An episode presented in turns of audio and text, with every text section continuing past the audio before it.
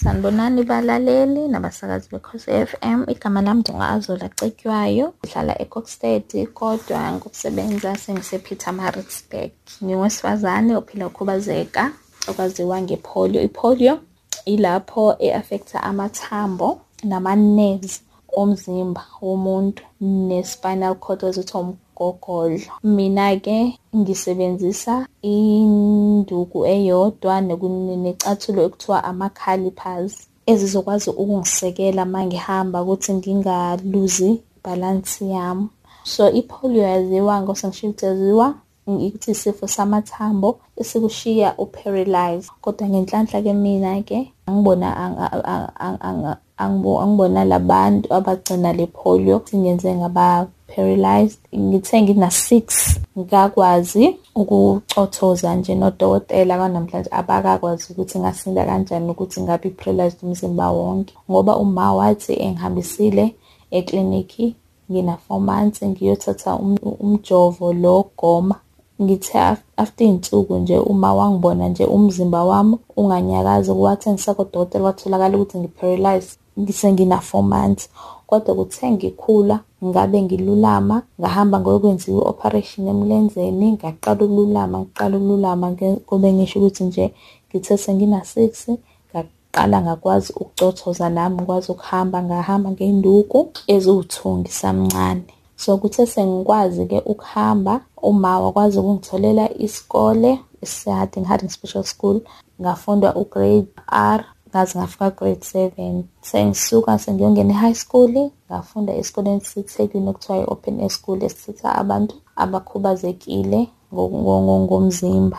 Ngaqeda khona u-matric wami ya ukukhubazeka kwami akuyona into engayibeka emqondweni ukuthi ngiyidabukele ukuthi ngikhubazekile ukuthi ngifane nabanye abantu angazi ngoba ngisho ekhaya bebengangiphathisa komuntu okhubazekile bebengifanisa nje nawo bonke abantu bengidlala nezinye iy'ngane bengifunda ukupheka njengezinye iy'ngane. Kodwa-ke okukuningi ngikufundele esikoleni ngoba ngangifunda kuma-boarding school ever since ngimncane. And ngisho ngithi mina ukuba independent ngaqala umncane ngoba abazali bami bangifundisa ngisemncane ukuthi ukhubazeka kuqala emqondweni. If uy'tshela ukuthi ukhubazekile ngomqondo ayikho into yakho ezokulungela ufuna ukukhiphe lokho ukuthi wena ufana nawo wonke umuntu ukuthi okwakho ukhubazeka kugqame kakhulu emzimbeni kodwa uyafana nabanye abantu. So ngaqala nje ukuba independent ukuthi abazali uma wami angifundise lokho. So ngithe ngiqeda i-matric ngahamba ngathatha igap year ngayosebenza ngifuna ukuqokelela imali yokuthi ngikwazi ukuyifundisa e-university ngoba uma mningi wayebhekene nakho kodwa-ke ngakwazi ukuthi after three years sengiqokelelile ngakwazi ukuyofunda emangosuthu.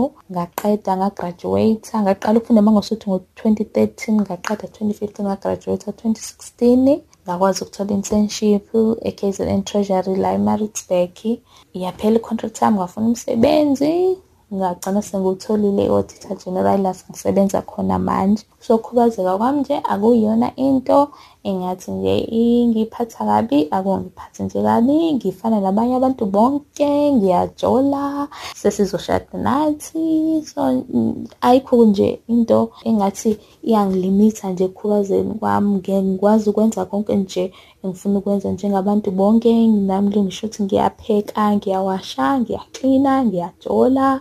So nje cela nje ngampela ngampela nje abantu babefuna ukwazi ngokukhubazeka komuntu baze bazobuza ngoba ngathi ngaphela lento yokuthi abantu basicabangele. Angathi nje bangaze bazosibuza ngoba siyafana nabantu bonke and asisabi nje ukuyikhulumela ngobe ngisho ukuthi siyayijolela siyayihlekela sikhululekile. Into engayisho nje ekugcineni ukuthi kuya ngokuthi uphuma ekhayeni njani nokuthi abazali bakho bakufundise kanjani. Mina nje abazali bangifundisa ikakhulukazi umama wami. Umama wami ungikhulisile lo wamuntu wanifundisa angikaze nje ngifile angathi mina angiyena umuntu ophelele ngiwumuntu nje ophelele ukwazi ukwenza yonke into ukuthi nje ngumuntu wesifazane ophila ngokukhubazeka um ngine-disability kuthiwa ipolio. Ipolio futhi ngikhumbule ukuthi akuyona, akuvamisile ukuphatha abantu abaningi. Qabukela uthole umuntu onepolio. Kodwa-ke mina-ke ya ngiyabonga.